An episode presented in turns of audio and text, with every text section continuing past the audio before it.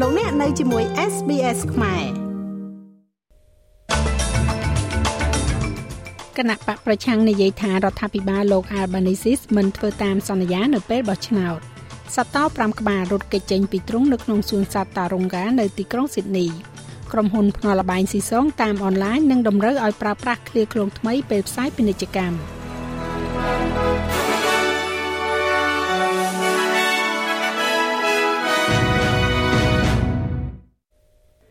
គណៈបកប្រឆាំងសហព័ន្ធនិយាយថារដ្ឋាភិបាលលោក Albanese បានបរាជ័យនៅក្នុងការផ្ដល់ជូនតាមការសន្យាដ៏សំខាន់មួយរបស់ខ្លួននៅពេលបោះឆ្នោតអ្នកនាំពាក្យរដ្ឋាភិបាលលោក Angus Taylor មានប្រសាសន៍ថាគណៈបក Labor បានបរាជ័យនៅក្នុងការបង្ហាញផែនការណាមួយនៅក្នុងការគ្រប់គ្រងអត្រាអតិផរណា និងអត្រាការប្រាក់ខ្ពស់កុំឲ្យឡើងខ្ពស់ជាងមុន។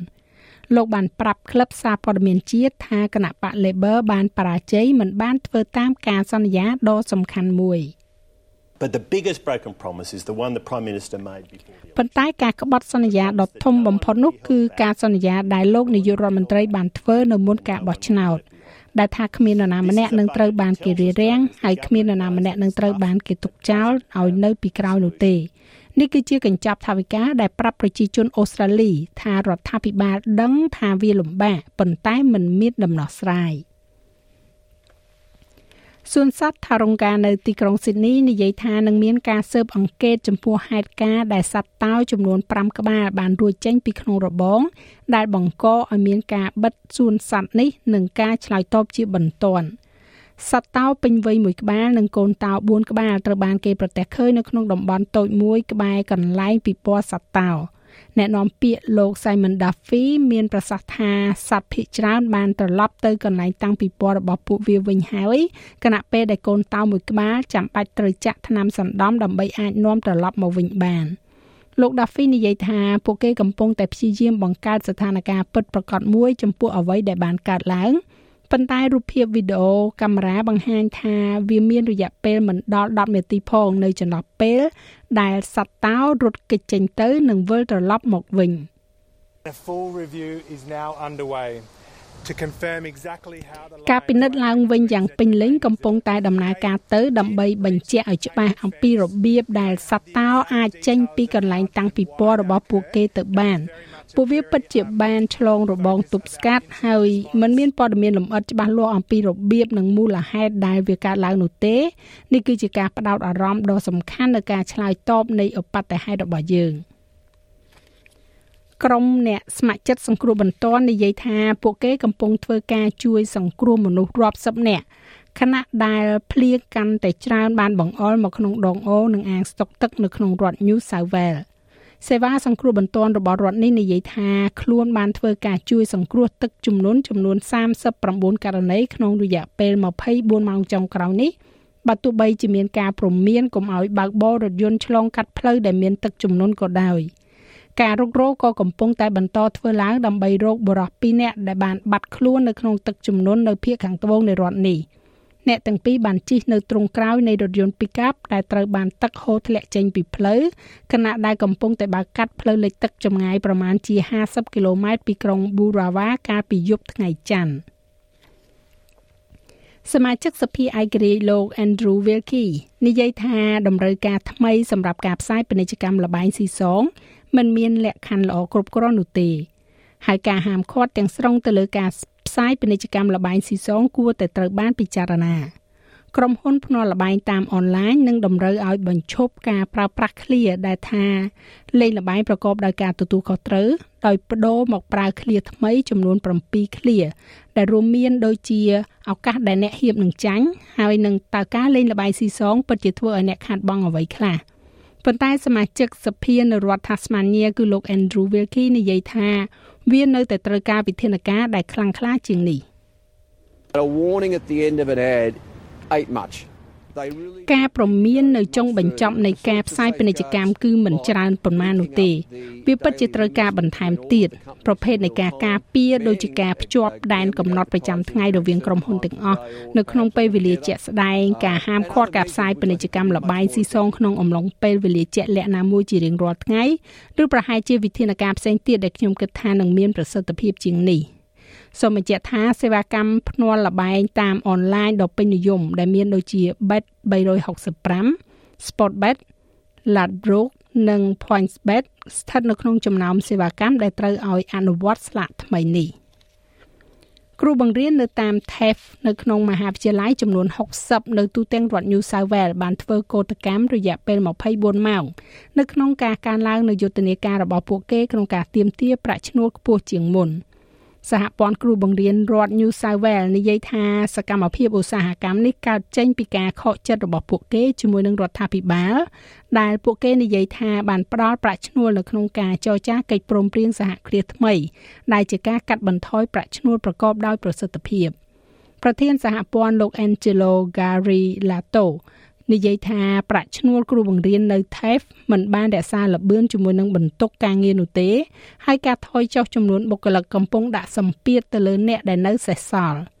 លោកនិយាយថាមានគ្រូបង្រៀននិងបុគ្គលិកអប់រំពាក់ព័ន្ធជាង17000នាក់នៅក្នុងឆ្នាំ2012តែឥឡូវនេះនៅសល់តែ8197នាក់ប៉ុណ្ណោះក្នុងឆ្នាំ2022នេះ ការស៊ើបអង្កេតដ៏សំខាន់មួយលើករណីឃាតកម្មមកលើសហគមន៍ភេទទី3 LGBTIQI+ រួមទាំងសមាជិកជាច្រើននៅក្នុងសហគមន៍នេះបានបើកធ្វើឡើងនៅទីក្រុងស៊ីដនីវាគឺជាសាវនាការសាធារណៈលើកដំបូងសម្រាប់គណៈកម្មាធិការស៊ើបអង្កេតពិសេសដែលដឹកនាំដោយចៅក្រមលោកចនសាកាដើម្បីពិនិត្យមើលថាតើបរិសស្រឡាញ់ភេទដូចគ្នាប្រមាណជា88នាក់ បានស្លាប់នៅក្នុងរដ្ឋធានីនៃរដ្ឋ New South Wales នេះក្នុងចន្លោះឆ្នាំ1976និងឆ្នាំ2000ស្លាប់ដោយរបៀបណា ទីប្រកាទីសំទោសទីប្រឹក្សាជំនួយការស៊ើបអង្កេតលោក Peter Gray មានប្រសាសន៍ថាវាគឺជាចំណុចកំពូលនៃការព្រួយបារម្ភអំពីកម្រិតនៃអំពើហិង្សាដែលបានកើតឡើងប្រឆាំងទៅនឹងសហគមន៍ភេទទី3នេះ Some of the deaths were obviously murders others may well ការស្លាប់ខ្លះជាក់ស្ដែងណាស់វាគឺជាឃាតកម្មហើយខ្លះទៀតប្រហែលអាចថាជាឃាតកម្មការឆ្លើយតបរបស់សហគមន៍សង្គមស្ថាប័នរបស់ខ្លួនចំពោះការស្លាប់ទាំងនេះគួរឲ្យសោកស្ដាយគឺមានការខ្វះខាតជីវិតទាំងអស់នៃមនុស្សទាំងអស់នេះមានសារៈសំខាន់ពួកគេម្នាក់ម្នាក់មានសារៈសំខាន់ចំពោះមនុស្សជាទីស្រឡាញ់របស់ពួកគេហើយចុងក្រោយនោះគឺសម្រាប់យើងទាំងអស់គ្នា នៅក្នុងប្រទេសកម្ពុជាវិញលោកនាយករដ្ឋមន្ត្រីហ៊ុនសែនស្នើសុំឲ្យពលរដ្ឋយោគយល់ចំពោះការរំខាននានានៅក្នុងការរៀបចំសន្តិសុខសម្រាប់ធ្នាប់ជូនដល់មេដឹកនាំពិភពលោកដែលមកចូលរួមនៅក្នុងកិច្ចប្រជុំអាស៊ាននៅកម្ពុជាប្រទេសកម្ពុជានឹងទទួលរៀបចំកិច្ចប្រជុំកំពូលអាស៊ាននិងកិច្ចប្រជុំកំពូលពាក់ព័ន្ធចាប់ពីថ្ងៃទី10ដល់ថ្ងៃទី13ខែវិច្ឆិកានៅរាជធានីភ្នំពេញ។ ហើយកាលពីព្រឹកម្សិលមិញនេះលោកនាយករដ្ឋមន្ត្រីបានសុំការយោគយល់ទុកជាមុនពីពលរដ្ឋចំពោះការរំខាននានាដែលនឹងកើតមានឡើងនៅក្នុងអំឡុងសប្តាហ៍ក្រោយដើម្បីធានាសន្តិភាពពិសេស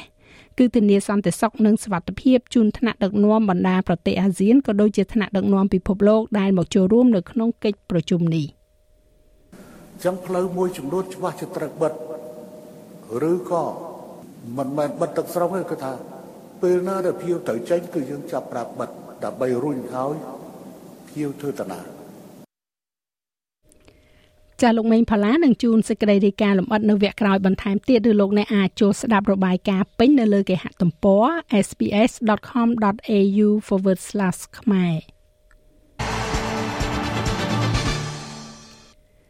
អ្នកជិះសេះប្រណាំងនៅក្នុងព្រឹត្តិការណ៍ Melbourne Cup លោក Patrick Moloney ត្រូវផាកពិន័យជាប្រាក់ចំនួន20,000ដុល្លារបន្ទាប់ពីការប្រណាំងដែលបានផ្លាស់ប្ដូរឆាកជីវិតរបស់លោក ដែលទទួលបាននៅចំណាត់ថ្នាក់លេខ2ជាមួយនឹងសេះ Emissary កាលពីថ្ងៃអង្គារម្សិលមិញនេះ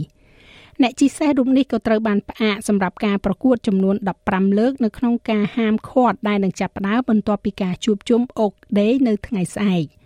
លោកម៉ូឡូនីបានសារភាពទទួលកំហុសនៅថ្ងៃពុធនេះចំពោះបទល្មើសជិះសេះដោយធ្វេសប្រហែសនៅបង្គោល600ម៉ែត្រដែលជាការចោទប្រកាន់ដែលលើកឡើងដោយ Racing Victoria ដែលបានចោទប្រកាន់ថាសកម្មភាពរបស់លោកបានរំខានដល់សន្ទុះនៃអ្នកជិះសេះប្រណាំង3អ្នកផ្សេងទៀតសូមបញ្ជាក់ថាជ័យជំនះ Melbourne Cup ឆ្នាំនេះបានទៅលើសេះ Gold Trip ដែលជិះដោយលោក Mark Zara ដែលជាជ័យជំនះដំបូងគេរបស់គ្រូបង្វឹក Sharon Maher និង David Oster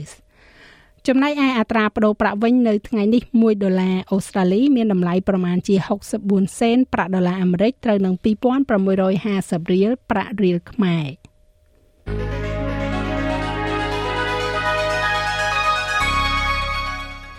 ឥឡូវយើងក៏លេខមកមើលការព្យាករណ៍អាកាសធាតុសម្រាប់ថ្ងៃប្រហ័សស្អែកនេះវិញ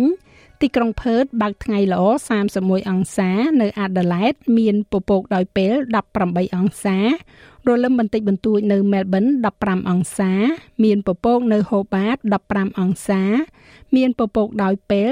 17អង្សានៅខេនបេរ៉ាទីក្រុងស៊ីដនីអាចនឹងមានរលឹមនៅពេលយប់21អង្សា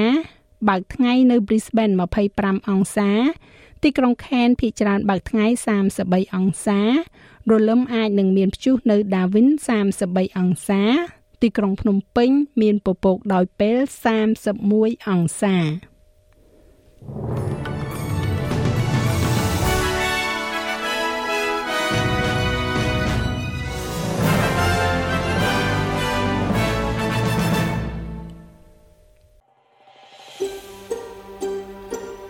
ចង់ស្ដាប់រឿងរ៉ាវបែបនេះបន្ថែមទៀតទេ ស្ដាប់នៅលើ Apple Podcast Google Podcast Spotify ឬកម្មវិធីដទៃទៀតដែលលោកអ្នកមាន។